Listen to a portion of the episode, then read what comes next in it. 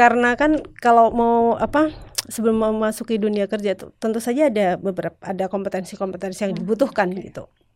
Nah, eh, baik itu yang sifatnya teknikal berkaitan Mm-mm. dengan knowledge tadi kita punya pengetahuan apa yang sudah kita dapatkan dari dunia perguruan eh dari bangku kuliah kita, Mm. kemudian kompetensi apa yang kita miliki yang kita bangun selama proses perkuliahan itu bantahkan dan Oh, tidak gitu bisa ya.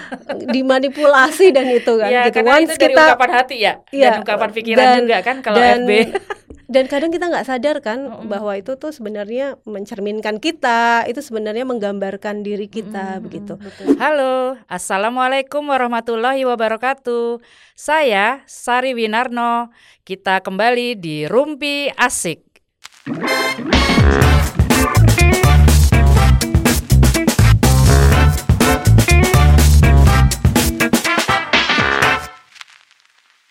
episode kemarin ya, ini tetap tamu kita adalah Arini. pagi mbak Sari. Terima kasih sudah diundang. Iya, sama-sama. Dan jangan bosan untuk mengisi rumpi asik ya pastinya. insya Allah Heeh. Kemarin kita sudah membahas tentang pengembangan diri nih Rin.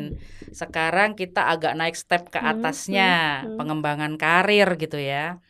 Nah, ini kita kemarin kan ngebahas nih lulusan SMA Hmm. mau Hmm. menuju ke mana ya gitu ya, mau Hmm. memilih fakultas apa, kampus apa, universitas apa gitu ya.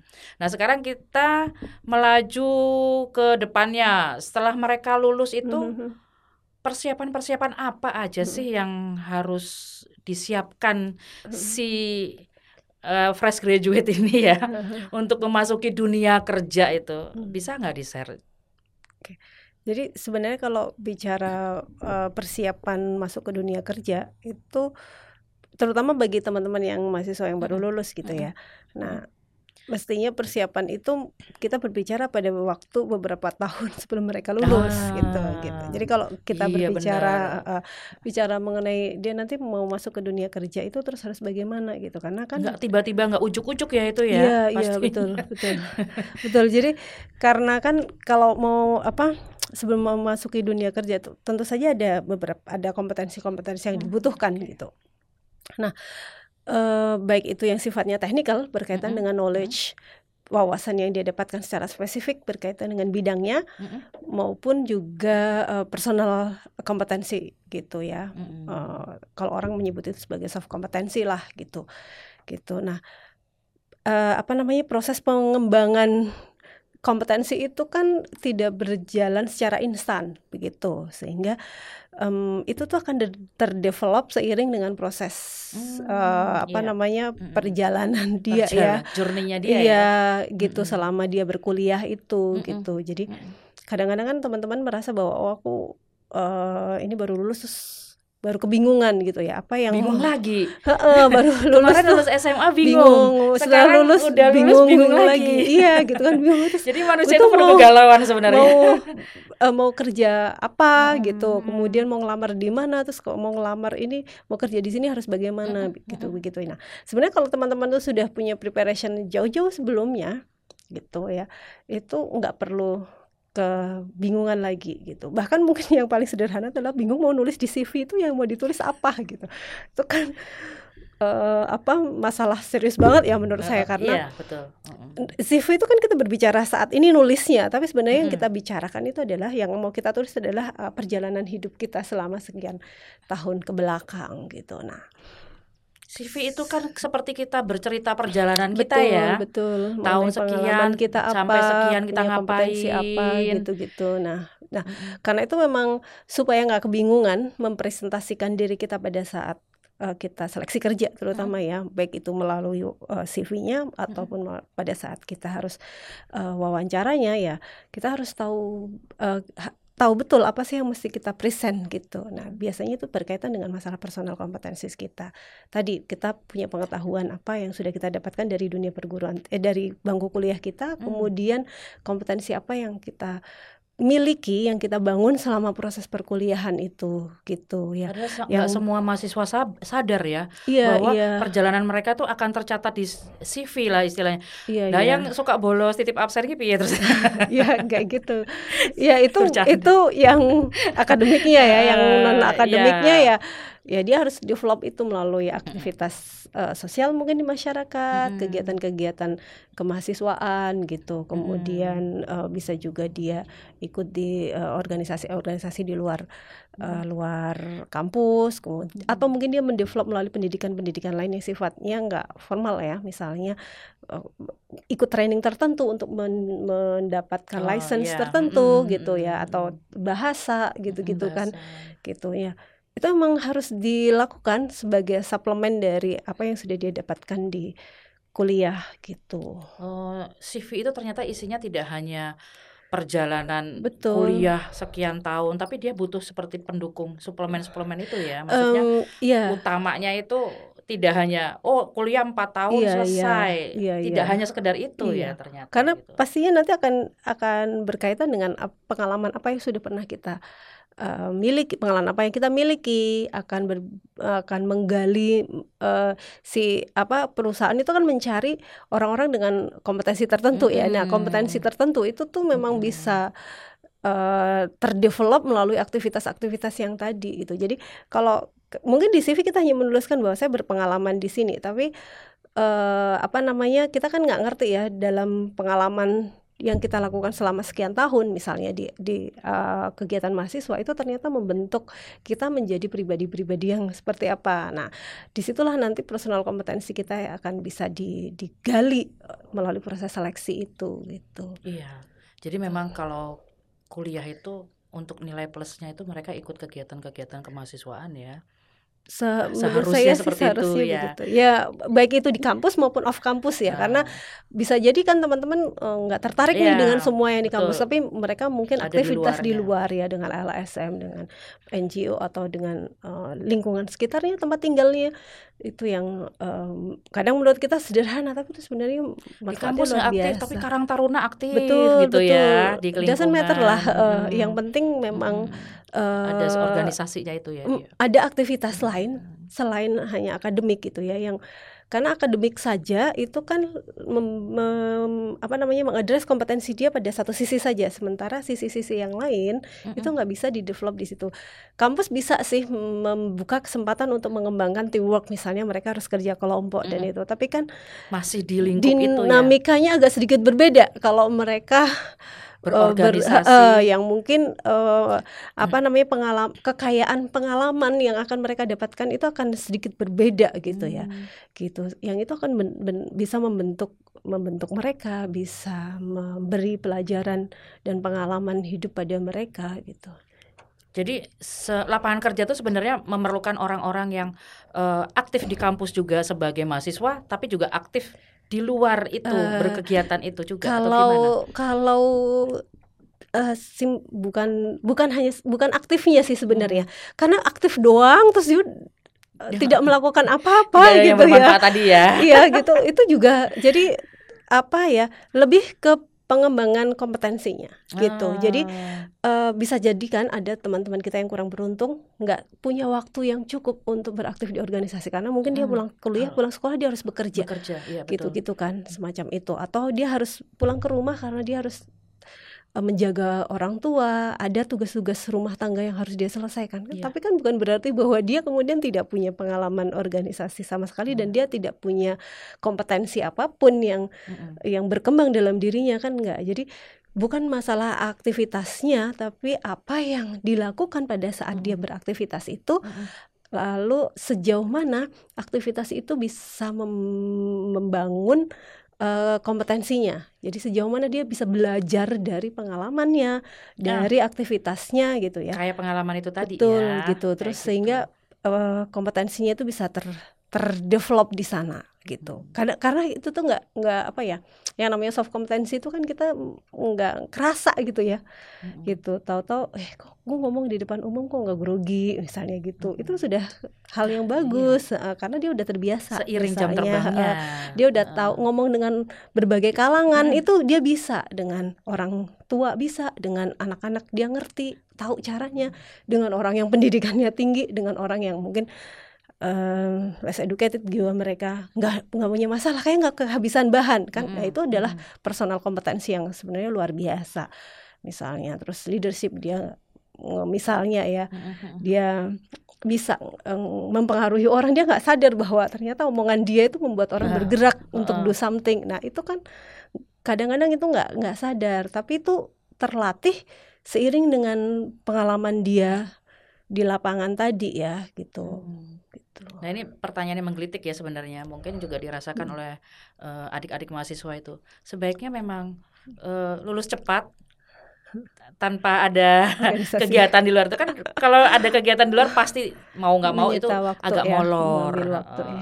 agak molor agak mengganggu belajar sebagai mahasiswa nih ya gitu Mm. nah itu dili- ditilik dari pengembangan karir itu sendiri enak yang eh, mahasiswa-mahasiswa cepat lulus Mhm, mhm. atau mahasiswa-mahasiswa yang spare time-nya itu untuk kuliah juga, untuk kegiatan senat juga, Hmm. atau untuk kegiatan eh, yang apa lainnya nama- ya, iya, sosial kegiatan ya, di luar eh, kampus. mas- kampus, mahasiswa atau juga part time bekerja. Hmm. Kan kalau bekerja pasti dia eh, tidak bisa cepat lulus lah intinya kayak gitu. Hmm. Itu gimana menurut eh, pengembangan karir? Eh, kalau bicara idealnya mestinya lulusnya tepat waktu, IPK-nya bagus gitu. ya. Sempurna lah ada pengalaman kerja part Ada pengalaman maunya begitu. kerja, ada ada aktivitas sosial gitu kan. Eh, maunya begitu Maunya ya. begitu gitu. Mm-mm. Idealnya sih Tapi seperti kalau itu. disuruh memilih, maksudnya dari segi HRD ya ini ya, Mhm, masih kita eh, melihat dari eh, Hmm. sisi HRD-nya. Itu lebih senang melihat CV yang mahasiswa cepat lulus atau lebih Mhm. senang melihat si- CV mahasiswa yang kaya akan organisasi selain dengan eh, kampusnya tuh Mhm. misalnya yang ini empat tahun lulus Mhm. tanpa ada eh, suplemen tadi tambahan. Mm, mm, mm. Tapi yang sisi sebelah sini Iya. lima tahun baru lulus 10 Hmm. semester tapi dia kaya saya ikut senat ikut Hmm. LSM Iya. terus saya punya kerja part time di eh, KFC McDonald's gitu-gitu misalnya ya kalau Iya. saya lagi libur gitu atau saya juga mengajar nih entah mengajar melukis Bimbel eh, di- bimbel di, di luar kampus ya Iya, iya. itu seperti kalau dari segi HRD-nya melihat Hmm. CV itu memilih yang mana tetap kembali lagi sih bahwa em, kan eh, HR officer gitu mereka juga cukup paham ya bahwa em, sebagai student aja mereka tuh sudah berat tanggung jawabnya gitu Iya, kan betul. gitu. terus kalau misalnya kembali lagi sih lihat dari yang hal-hal di luar kampus itu realistis enggak gitu. Itu tetap kita tetap Hmm. cek biasanya. banyak banget itu menjadi agak eh, questioning maksudnya itu kan eh, apa apa sih yang dia lakukan dengan berbagai macam gitu Mm-mm. yang sebanyak itu gitu ya Hmm. gitu nah itu biasanya nanti akan di cross check melalui proses eh, interviewnya Hmm. gitu kan apakah benar aktivitas dia yang sebanyak itu tuh benar-benar eh, berkontribusi terhadap pengembangan dirinya atau tidak Hmm. gitu ya gitu itu akan di akan di cross check di sana gitu Nah, kalau misalnya yang kering sekali itu kan juga nggak ada apa-apa itu juga bukan Mm-mm. berarti bahwa dia kemudian tidak aja. punya eh, dia nggak punya kompetensi yang gitu-gitu kan gitu. Nah, itu juga nanti akan dicek. Nah, karena itu memang kalau menurut saya sebagai student itu harus cerdas. Maksudnya eh, memang tugas utama dia itu adalah study gitu. Eh, tanpa mengurangi aktivitas-aktivitas eh, apa eh, kepentingan aktivitas-aktivitas di luar tadi gitu. Nah, dia harus benar-benar cerdas memilih aktivitas di luar itu yang yang memang bisa mendukung dia, mendukung pengembangan dirinya gitu ya. Mm-mm. Eh, sehingga nggak semuanya dia lakukan gitu kan gitu, nggak semuanya dia lakukan ya. Jadi dia harus tetap bisa me- membagi waktu. Nah, managing time-nya sendiri, managing oneself itu sebenarnya sebuah kompetensi yang nantinya akan bermanfaat ketika mereka bekerja. Nah, dari situ juga eh, para ahli-ahli HR itu ya, terutama mereka-mereka yang eh, menyeleksi calon-calon karyawan baru Iya. atau eh, menyeleksi orang-orang yang mau bekerja bersama mereka itu mereka akan menggali di situ gitu loh. Hmm. Jadi uh, sejauh mana sih aktivitas yang dia lakukan itu memang benar-benar berdampak gitu. Ya realistis lah intinya gitu. Jadi jangan justru merasa bahwa oh uh, soft kompetensi atau personal kompetensi itu lebih penting gitu toh yang IPK-nya tinggi juga belum tentu dapat kerja yang bagus gitu-gitu sehingga dia Hmm. banyak di luarnya terus dia mengabaikan Hmm. akademiknya ya nggak bisa begitu juga Bisa. karena uh, Jadi dua-duanya keseimbangan itu ya, harus tetap keseimbangan balance ya. iya iya Hmm. betul jadi harus cerdas betul-betul harus cerdas sebagai mahasiswa untuk memilih aktivitas apa yang kira-kira bermanfaat bagi Hmm. saya Mendukung dia Mendukung, juga untuk betul pengembangan karirnya. betul gitu terus selain itu juga dia masih tetap bisa mendapatkan eh, apa dia bisa menjalankan tugas-tugas dia sebagai student bisa Hmm. menjalankan peran dia di rumah sebagai anak Mm-mm. gitu Sebagai ya anggota keluarga sebagai anggota ya. keluarga dia juga punya kontribusi atau menjalankan peran dia sebagai bagian dari masyarakat itu yang harus dia ingat gitu Lingkungan rumahnya juga ya.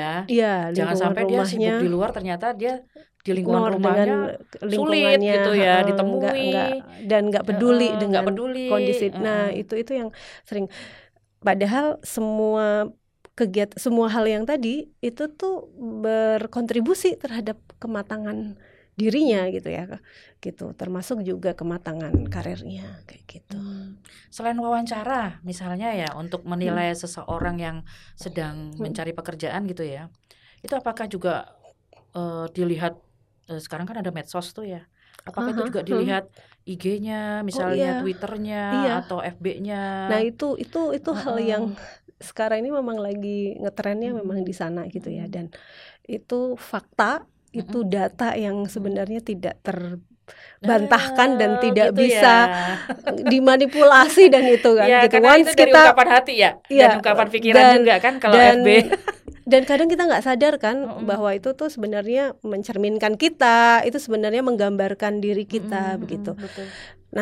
eh saat ini itu yang yang memang dilakukan gitu karena itu nggak bisa dibohongi istilahnya begitu kalau interview itu kan bisa jadi si eh, calon itu memang pinter banget gitu-gitu ya memanipulasi Oh. sesuatu atau pinter- Manipulasi. atau mungkin pinter banget dia mempersuasi atau menceritakan sesuatu gitu sehingga mungkin si interviewernya bisa terlena kalau mereka tidak Mm-mm. tidak cukup eh, jeli, tidak cukup berpengalaman dalam kayak gitu-gitu. Nah, tapi kan data meskipun wawancara juga di cross check dengan data-data yang lainnya ya. Iya. Maksudnya nggak murni pengambilan keputusan orang diterima atau tidak itu hanya dari interview. Mm-mm.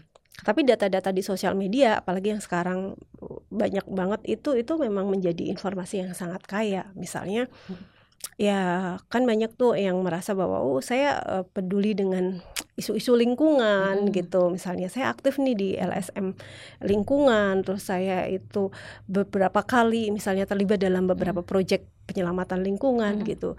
Tapi pas kita lihat misalnya di CV, di di eh, akun-akun sosial medianya, terus kok dia sama sekali nggak membahas ada, itu gitu-gitu ya. Tidak Misalnya ada itu itu juga posting apa pun tentang yang apa pun berkaitan dengan idenya, itu. apa pun berkaitan dengan aktivitasnya atau ide-ide yang dia atau mungkin hal malah justru yang lain gitu kan dia Hmm. akses yang lainnya yang banyak belanjanya kayak banyak misalnya kayak kayak gitu itu kan juga Shopping. agak-agak Iya. itu kemudian eh, itu kita juga bisa mengamati apakah orang ini berkaitan dengan eh, interaksinya dengan orang lain kan misalnya Mm-mm.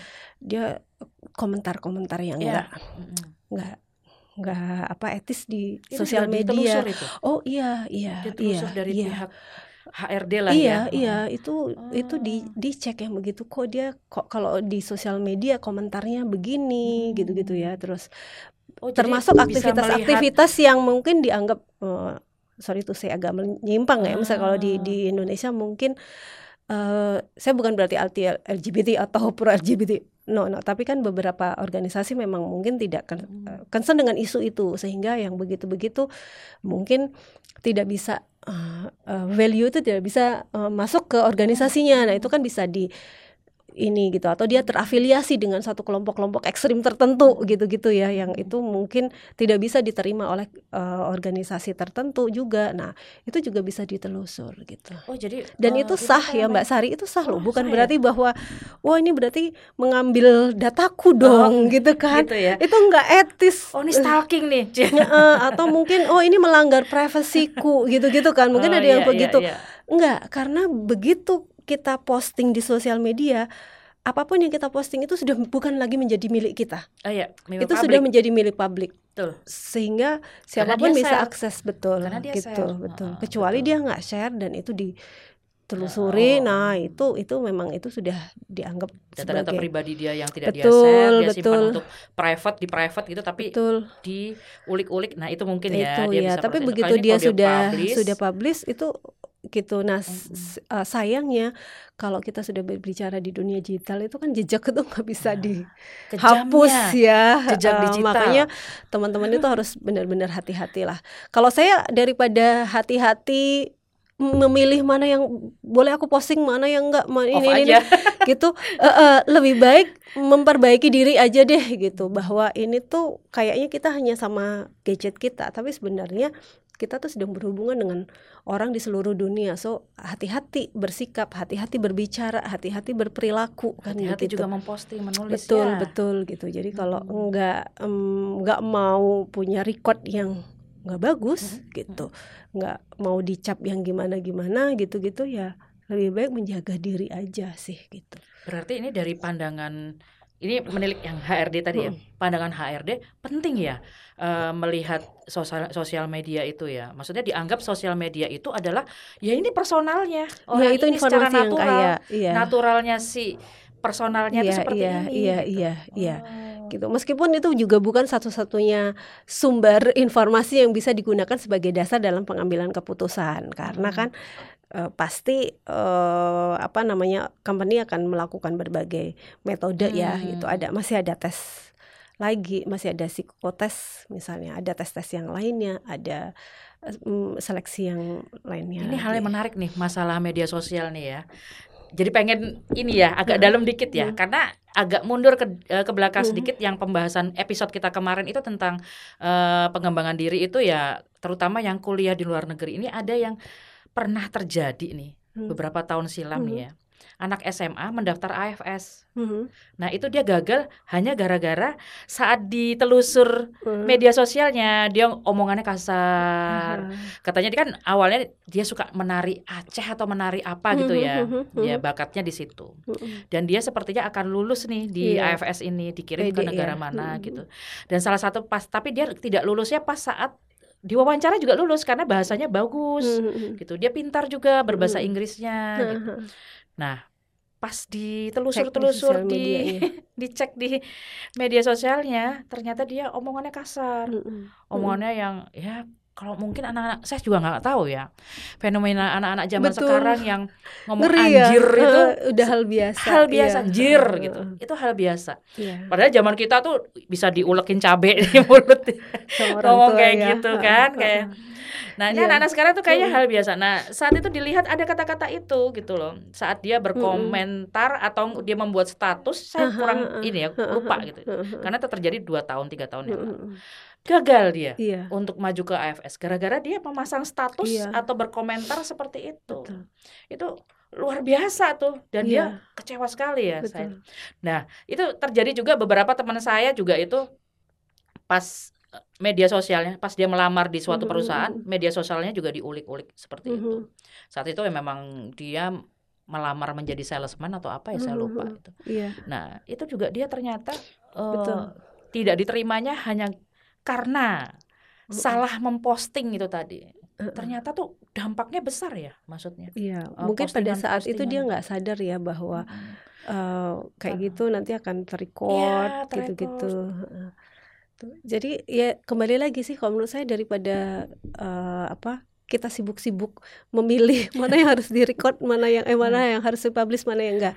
Sibuk-sibuk memilih mendelete-delete yang ah gitu. Lebih baik memanage diri kita aja gitu supaya enggak enggak harus repot-repot begitu gitu loh. Toh hmm. menjadi um, manis menjadi baik itu tidak sesuatu hal yang salah kok gitu kan gitu. Hmm. Mungkin sih di kalangan anak remaja kayaknya nggak nggak populer gitu ya, tapi bukan berarti bahwa um, terus kayak gitu menutup jalanmu untuk menjadi populer kan biasanya kan anak-anak muda tuh kayaknya kalau lagi yang berani-berani oh. begitu tuh kayak wah gitu ya kesannya tuh Pengen lebih viral lebih gitu kayaknya kan. lebih diakui temennya uh. lebih berani lebih gitu gitu tapi sebenarnya kamu bisa populer juga kok melalui cara-cara yang jauh lebih etis ya, ya gitu dengan menjaga sikap perilaku yang kayak Betul. gitu gitu bijak ya. dalam bermedia sosial nah itu itu juga mungkin salah satu hal yang supaya mendapat di... pekerjaan yang keren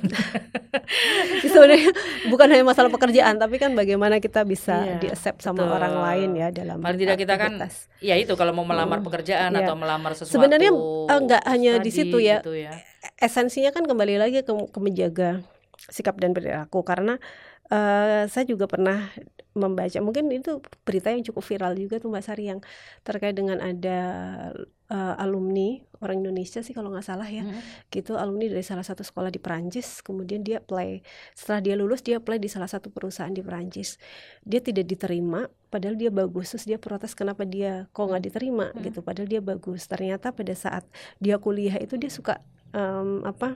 Memposting. Enggak suka. Ini enggak enggak di sosial media sih okay. tapi ini berbicara mengenai sikapnya ya.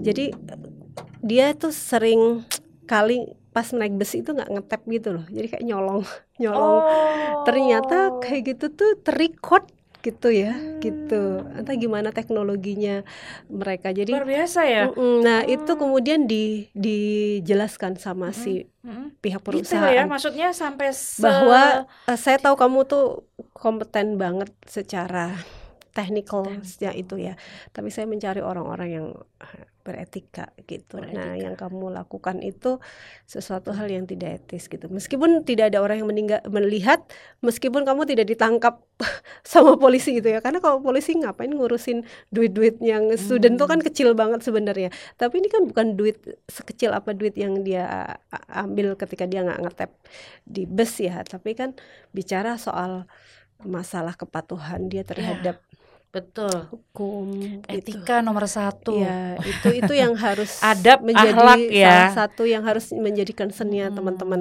Adab dan uh, akhlak itu. Ya yes, kita semua sih ya uh, pada dasarnya. Pintar gitu. apa pun orang itu tetap yang namanya etika betul. di nomor satu betul, kan. Betul. Seperti itu. Oh ini kembali lagi, saya juga mau bertanya masalah CV ya, terutama hmm. ini kita sekarang uh, ngomongin ngobrol tentang CV okay. ya. Okay. Saya seiring dengan pengembangan hmm. karir juga hmm. kan. Hmm.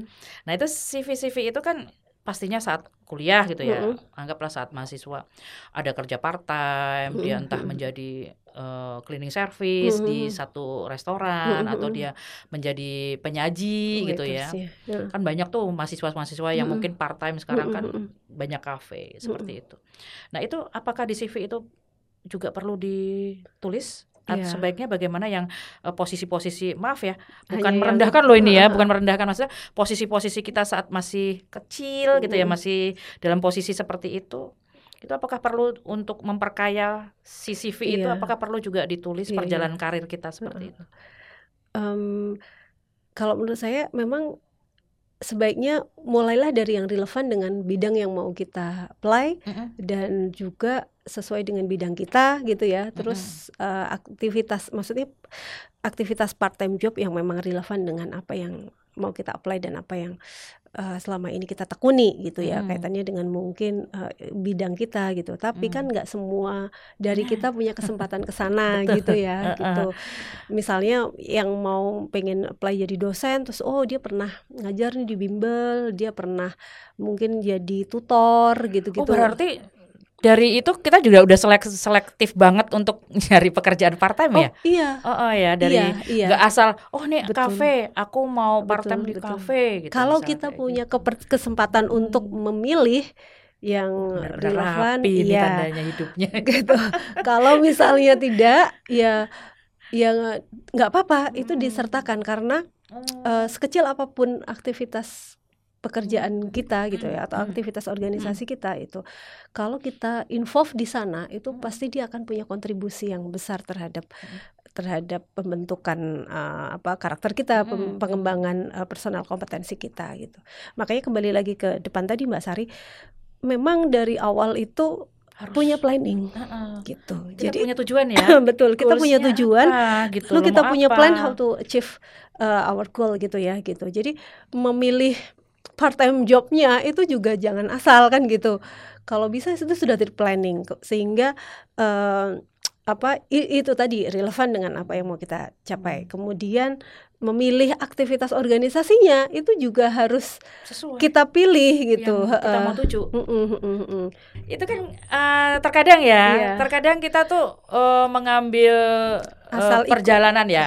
Jadi, nah itu mungkin ya untuk menjadi tips iya, uh, iya. semua nih yang mau mendengarkan podcast ini ya mungkin para ibu-ibu mungkin juga anak-anak ya bahwa kalau misalnya kita mempunyai tujuan itu ya misalnya iya. nah itu perjalanan kita journey-nya kita itu harus sesuai ya di planning di lah planning gitu, gitu ya uh, uh. jadi mau jadi dosen kita yeah. ngambil part time jobnya itu bimbel gitu ngajar paling bimbel. yang bu, ya ya bukan berarti yang nggak relevan terus kemudian nggak ini ya tapi akan lebih bagus lebih kan bagus kalau seperti itu terarah gitu. ya istilahnya nah, ya, sehingga yang kayak tadi kembali lagi uh, mau lulus cepat atau mau yang aktivitas organisasinya banyak. Kalau itu bisa terplanning gitu loh. Hmm. Saya bisa bilang bahwa kamu bisa lulus dengan tepat waktu, kamu dapat IPK bagus tapi kamu juga punya okay. aktivitas pengembangan ah, ya Allah, itu susahnya itu iya iya memang begitu gitu Susah ya sih, sini ada mahasiswa yang sering yeah. kita rasakan itu kan kita terlena aja yeah. setelah pasti di dalam biasanya itu namanya kan usia 20-an ya usia hmm. 20-an itu pasti dia tidak bisa fokus untuk dua Satu. apa tiga biasanya pasti kalau dia lagi seneng nih Banyak. lagi seneng banget berorganisasi di senat uh bisa tidur kampus yeah. dianya terus kuliah-kuliah kecapean atau gimana aku titip absen ya kayak gitu-gitu iya. kan nah jadi atau kuliahnya juga kalaupun nggak begitu absennya. memang beberapa beberapa aktivitas di luar itu memang mengharuskan mahasiswa untuk harusnya mening ah, jadi harus meninggalkan misalnya mm-hmm. uh, ada kegiatan yang harus dia wakili yang itu mm-hmm. bersamaan dengan jadwal kuliah jadwal praktikum dan sebagainya ya gitu bukan karena dia malas nih ya mm-hmm. tapi memang begitu gitu nah itu adalah sebuah konsekuensi sih memang kalau iya, saya bilang Pilihan, ya? sehingga mm-hmm. betul nah itu tadi makanya kenapa harus bijak memilih organisasi jangan banyak-banyak atau ya banyak nggak apa-apa as long as kamu memang bisa memanage waktumu gitu ya. Jadi kalau bisa pilih betul yang memang di situ kamu bisa involve. Kalau kamu involve di situ kamu punya kontribusi yang bagus kamu justru bisa belajar dari proses itu. Tapi kalau kebanyakan peran itu nanti kamunya sendiri yang akan kitanya sendiri kan yang akan kesulitan gitu ya.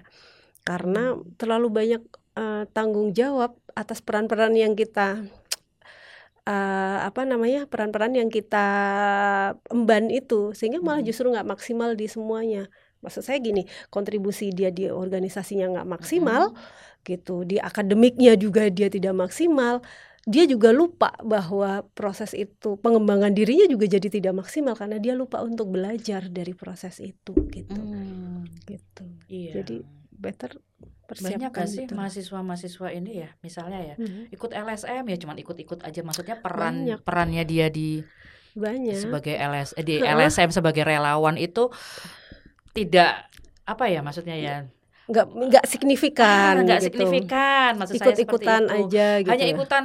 Yang penting aku terdaftar di uh -uh. lembaga ini terus bisa Nanti untuk memenuhi CV uh. ini. Kan ada yang seperti iya, itu ya? iya betul. Kayak cuman ah, yang penting ada gitu ya kayaknya gitu, gitu ada aja. gitu. tapi dia tidak memberi banyak manfaat dan dia juga tidak mengembangkan uh -uh.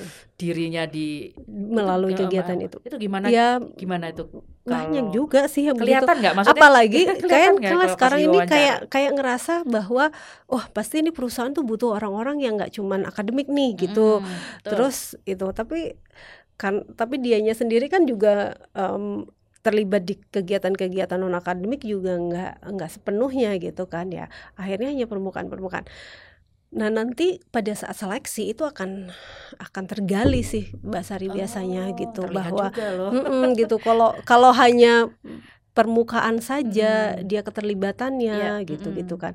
Nanti uh, ya akan akan terlihat di situ gitu uh, kaitannya dengan kompetensinya.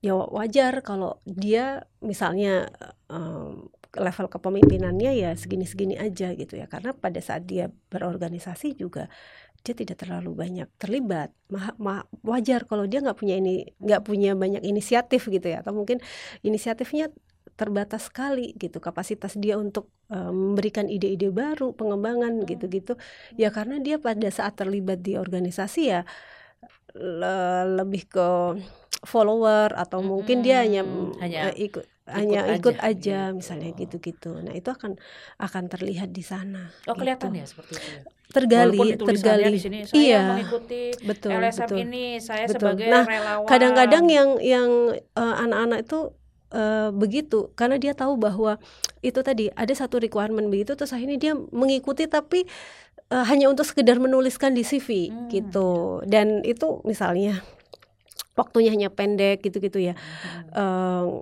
sekian sekian waktu gitu. Hanya benar-benar kayak baru lulus terus belum ada apa-apa nih. Nanti aku kalau lulus hmm. terus nulis apa di CV ya udahlah ikut gitu. Hmm. terus enam bulan kemudian lah dia wawancara dan gitu. Tapi yang ini tadi nggak terlalu banyak dia dia tahu uh, gitu ya. gitu gitu Gak mendalam. itu, betul kelihatan gitu. langsung iya. bahwa dia hanya numpang. Nah, ini nah, numpang ya itu, ya istilahnya. Ya. nah gitu. Hmm. tuh. Yang seperti itulah ya. Jadi lagi-lagi sih kembali ke bahwa mem, apa namanya mengembangkan kompetensi personal itu harus hmm. itu harus gitu karena itu akan menjadi bekal kita dalam hidup maupun bekal kita dalam kehidupan profesional kita gitu. Nah, yang proses itu itu bisa terdevelop melalui uh, pengalaman seiring dengan pengalaman kita, minat kita, bakat kita gitu ya. Karena kan bisa jadi ada anak-anak yang nggak terlalu tertarik dengan organisasi tapi dia memang mengembangkan hobi atau bakat yang benar-benar gitu dan itu kan sah-sah saja gitu ya, bisa-bisa saja. Nah, kayak gitu. Itu juga akan membangun kehidupan uh, profesional dia nanti gitu. Iya.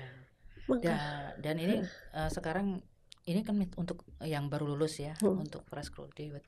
Nah, semisalnya ini eh, kita sudah di perusahaan ini hmm, misalnya hmm. Hmm. dan melirik ada perusahaan yang sekarang misalnya perusahaan, perusahaan nasional anggaplah hmm. atau perusahaan lokal lah. Hmm. Kita di Jogja, tiba-tiba kita melirik di perusahaan Jakarta yang nasional gitu ya. Kita gitu. seperti saya misalnya saya auditor di perusahaan lokal di hmm. Jogja.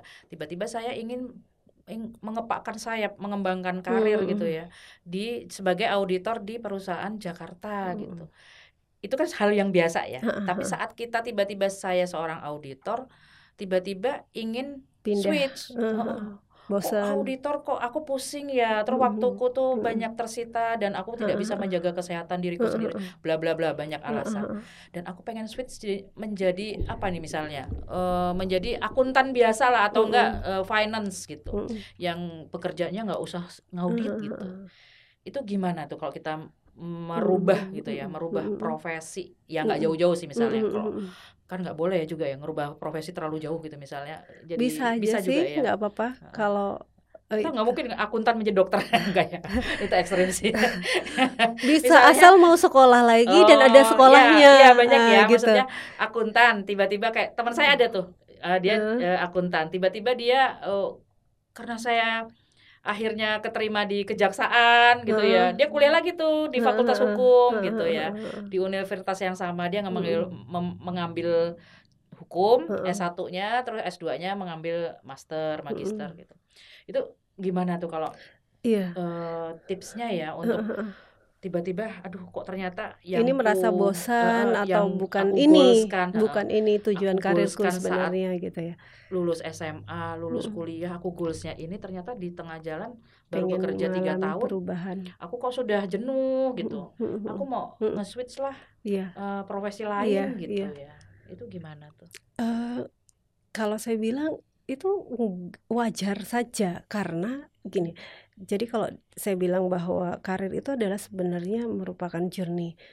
Gak semua orang itu bisa diset karirnya itu dari awal dan tegak lurus sampai itu gitu ya. Tapi uh, bahkan di dalam perjalanannya memang begitu karena memang um, kita sendiri itu mengalami perubahan, mengalami pertumbuhan gitu-gitu ya. Kita bertum kita juga terus bertumbuh, kita terus berkembang gitu. Jadi mungkin interest kita sudah berbeda mm. dari sekian tahun yang lalu misalnya. Kemudian mungkin juga value yang kita pegang sudah berbeda gitu kan gitu. Terus wawasan kita juga mungkin sudah berbeda, Makin berkembang luas. misalnya begitu kan gitu. Jadi sah-sah saja.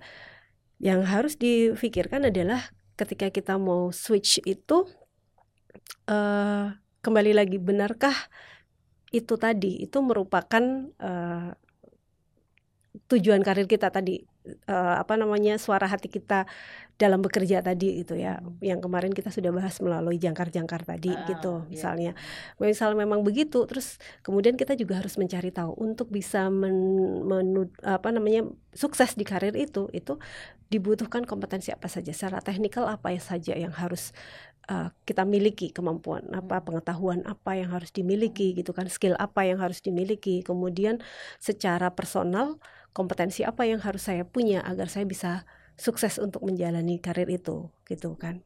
Kemudian peluang dari karir itu ke depannya juga seperti apa itu kan juga harus kita pikirkan. Jangan sampai kita kita sudah pindah kita menyesal karena ternyata uh, itu tidak kemarin yang lebih. Uh, uh, nah semacam itu. Walaupun uh, kembali lagi ya nggak apa-apa juga, tapi kan kita sudah membuang waktu itu gitu yeah. ya. Nah karena itu tetap harus ada persiapan. Hmm. Kalau misalnya uh, membutuhkan uh, pendidikan khusus yang hmm. harus ditempuh, ya kembali harus dilakukan kembali gitu. masuk kampus. Betul, hmm. betul gitu. Harus dilakukan itu. Kalau butuh sertifikasi tertentu, license tertentu, ya itu juga harus dilakukan. Nah, itu juga yang harus dipertimbangkan. Artinya akan ada spare waktu sekian ya. sekian waktu yang harus uh, dipertimbangkan untuk mempersiapkan diri sebelum berpindah ke karir yang lain kan gitu Tuh. Banyak ya seperti itu ya. Banyak, banyak, banyak ya sih. Ya. Malah nyebrang mungkin kadang-kadang. Bisa, ya. bisa jadi begitu gitu. Nah, kayak Mas Nizar ini. Kok dibawa? Dia dari hukum loh. Tiba-tiba dia ke podcast. uh, uh, Harusnya apa? Komunikasi ya. Harusnya apa sih? Iya uh, kan? Enggak. Ya itu karena sekarang ini kan sudah semakin berkembang ya. Artinya skill-skill tertentu itu tidak harus didapatkan melalui pendidikan formal kan gitu karena um, mungkin bisa didapatkan melalui kursus, melalui apa, melalui apa hmm. gitu. Tuh. Nah, terus wawasan bisa di enrich melalui berbagai cara. Dia bisa ambil course yang hanya singkat, nggak harus kuliah 4 hmm. tahun, tapi dia hmm. ngambil beberapa kan di luar negeri itu banyak ditawarkan course-course yang spesifik yang hmm. cuman ngambil bidang ini tentang ini tentang ini aja gitu gitu. Hmm. Gitu. Nah, eh apa namanya? Nah, itu konsekuensi-konsekuensi. Berarti kan akan ada konsekuensi waktu, konsekuensi biaya, konsekuensi betul. tenaga untuk iya. dialokasikan ke sana gitu. Itu yang juga harus difikirkan. Terutama mungkin bagi teman-teman yang sudah berkeluarga ya. Mm-hmm. Nah, karena kan nah yang sering terjadi itu seperti itu Mbak Sari karena kalau aku pindah apakah ini akan menjadi lebih baik atau tidak mm-hmm. itu kan kegalauan itu yang muncul kedua kalau aku pindah berarti akan ada waktu yang yang aku alokasikan untuk hal yang lain. Sementara mm. yang pokok ini kan menjadi agak tertinggalkan. Mm. Padahal saya harus menghidupi beberapa orang di belakang saya. Nah, itu pertimbangkan itu juga gitu ya. Jadi jangan sampai uh, pas kita mengejar yang ini mm. kita melupakan ini terus anak-anak dan yeah. keluarga kita menjadi itu biasanya kalau ter... uh, berpindah ya switch itu biasanya sudah usia-usia menikah ya kalau sudah menikah iya. ya, kalau yang belum memang itu biasa ya, ya karena memang biasa. Uh, dan itu itu bukan hal yang jelek gitu ya hmm. buat saya. Maksud saya gini. Pikirkan juga kan, uh, uh, kalau misalnya dia sudah usia menikah, betul. punya keluarga, itu harus berpikir matang sekali betul, kan betul. untuk berpindah sampai berpindah profesi misalnya berpindah mm, mm, dari mm, mm, kalau hanya itu untuk itu harus harus punya mm, kalau hanya untuk pengembangan karir dari kantor lokal ke kantor nasional uh, itu, itu mungkin itu malah baik, lebih bagus ya, karena kan itu tetap dengan uh, dia profesinya itu resikonya gitu kan. tidak terlalu besar uh, gitu. sedangkan terus, kalau yang tadi itu kan resikonya agak besar gitu. Nah itu harus di, ya, disiapkan betul. ya, karena betul. ada hal-hal yang mungkin dulunya tidak dikuasai ya seperti mm itu ya. Misalnya uh, auditor menjadi PR misalnya seperti mm itu itu kan. Ada hal-hal baru yang yeah, harus yeah. dia pelajari, pelajari dari Ya, kalau yang lagi. tadi Mbak Sari bilang mungkin tidak terlalu jauh, mungkin masih mending ya. Artinya resikonya terlalu besar. Tapi kalau yang udah jauh banget, Mm-mm. itu kan berarti dia akan benar-benar spend waktu untuk Iya. Mm-mm. untuk studi, Iya. spend waktu untuk eh, spend biaya untuk Mm-mm. itu gitu kan, gitu. Mm-mm. Dan eh, energi ke sana yang akhirnya harus mengurangi waktu yang seharusnya buat dia untuk Iya. bekerja dan itu. Nah, apalagi kalau dia masih punya tanggungan itu tadi. Nah, gitu. Kalau belum menikah barangkali agak sedikit berbeda kali ya. Belum punya tanggung jawab gitu-gitu.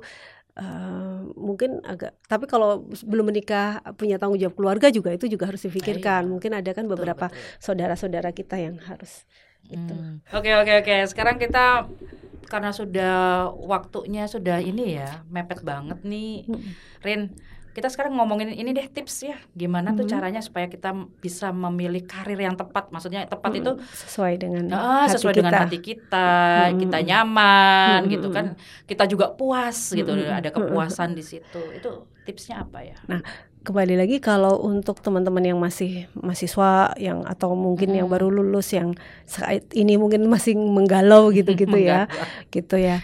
Emang periodenya masih masih begitu itu ya di diterima periode itu dan eh, lakukan tugas-tugas perkembangan pada periode itu. Salah satunya adalah eksplorasi. Jadi eh, sebesar mungkin mengeksplorasi peluang-peluang eh, karir gitu ya atau gambar alternatif karir yang memang bisa di bisa di apa namanya kemungkinan nanti akan kita geluti gitu. Kemudian eh, eksplorasi diri. Jadi mulai sekarang ini banyak-banyak mencari tahu apa sih yang menjadi bakat saya, apa sih yang menjadi kelebihan saya, apa sih yang menjadi sesuatu yang paling senang Oh, saya mulai observasi saya, diri sendiri eh, nih, gitu dan ya. dirasakan setiap aktivitas dirasakan. yang dia lakukan ketika saya eh, terlibat dalam aktivitas ini misalnya part time job ini apa sih yang paling aku sukai di di sini ketika saya terlibat di organisasi bagian mananya yang paling aku sukai gitu-gitu ya gitu tapi bukan yang funnya doang loh ya gitu. Mm-mm. tapi f- temukan sesuatu hal yang lebih berorientasi pada pengembangan berorientasi pada proses belajar begitu. Kemudian eh, dari situ eh, pertanyakan lagi ke empat anchor tadi setelah mulai eh, itu mulai bertanya mengenai apa sih yang paling bagus yang paling yang paling bagus yang paling eh, dalam diri saya untuk saya lakukan gitu. Yang paling saya senangi dan itu eh, paling bagus di antara semua hal yang saya lakukan. Skill yang paling bagus yang bisa saya tampilkan gitu gitu ya. Gitu. Kemudian eh, apakah kira-kira kalau saya melakukan aktivitas berkarya di bidang ini orang mau mengapresiasi eh, mengapresiasi karya saya, mengapresiasi aktivitas saya gitu. Kemudian apakah aktivitas saya itu sejalan dengan value-value yang saya yakini, tidak ber- bertentangan dengan norma-norma, tidak melanggar aturan, tidak melanggar eh, keyakinan di agama atau keyakinan Ya. kita gitu. Terus Berarti- apakah eh, aktivitas yang kita lakukan itu memiliki kemanfaatan bagi orang banyak gitu ya. Tidak merugikan pihak lain, tidak merusak orang lain, tidak merusak lingkungan, tidak membahayakan bagi orang lain baik jangka sekarang maupun yang akan datang. Nah, kalau kita sudah baru kemudian kita lihat untuk mencapai itu tadi butuh kompetensi apa. Lalu untuk mencapai kompetensi itu kita butuh pengembangan diri apa Mm-mm. dan kembali lagi cerdas dalam memilih aktivitas-aktivitas di luar Iya, betul. supaya waktu kita nggak spend terlalu Iya, banyak tapi kita nggak ya. dapat apa-apa Mm-mm. Heeh, Hanya gitu. ikutan ini, Iya betul ini. betul gitu dan sekecil Tapi apa pun tidak aktivitas tidak yang mendalam. dilakukan itu sebenarnya punya kontribusi yang besar dalam pengembangan diri kita sepanjang kita engage ya kita terlibat penuh di situ. Kemudian kita juga em, mau belajar gitu benar-benar mau belajar dari proses yang kita lakukan gitu. Baik itu di rumah kayaknya sepele ya melakukan tugas rumah tangga tanggung jawab tugas rumah tangga itu sebenarnya itu punya peran banyak Iya. gitu. Minimal itu belajar kita memenuhi tanggung jawab kan gitu. Iya. seperti itu. Kemudian hmm, apa namanya dengan lingkungan-lingkungan sekitar kita yang mungkin kayak eh, sekeliling sekeliling aja gitu. Atau mungkin di luar eh, lingkungan kita tapi eh, apa namanya di baik itu di kampus maupun di luar kampus kayak gitu. Lebih ke sana Iya. sih gitu Mungkin itu Mbak Sari. Iya, terima kasih ini. Sama-sama. Karena waktunya sudah kayaknya sudah dikode-kode juga nih. Sudah habis nih Sama-sama. teman-teman semua. Mudah-mudahan bermanfaat. Iya, amin. Dan dan ini kita menyimpulkan ya nih teman-teman Hmm. semua ini kita menyimpulkan bahwa memang eh, CV itu adalah perjalanan ya, Hmm. perjalanan eh, karir kita ya istilahnya kayak gitu. Jadi Kehidupan kita eh, ya. kehidupan kita juga. Mm-mm. Jadi itu harus ditulis baik-baik gitu. ditulis Baik, baik-baik dengan yaitu konten yang baik. dengan konten yang baik seperti itu ya. Terima kasih ya Sama-sama. sudah banyak banget ini tips-tips bermanfaat mudah mudah-mudahan ya Hmm. menjadi eh, manfaat bagi Amin. semua orang yang Sama-sama. mendengarkan ini eh, konten ini ya podcast inilah itu Sama-sama Mbak itu. Sari.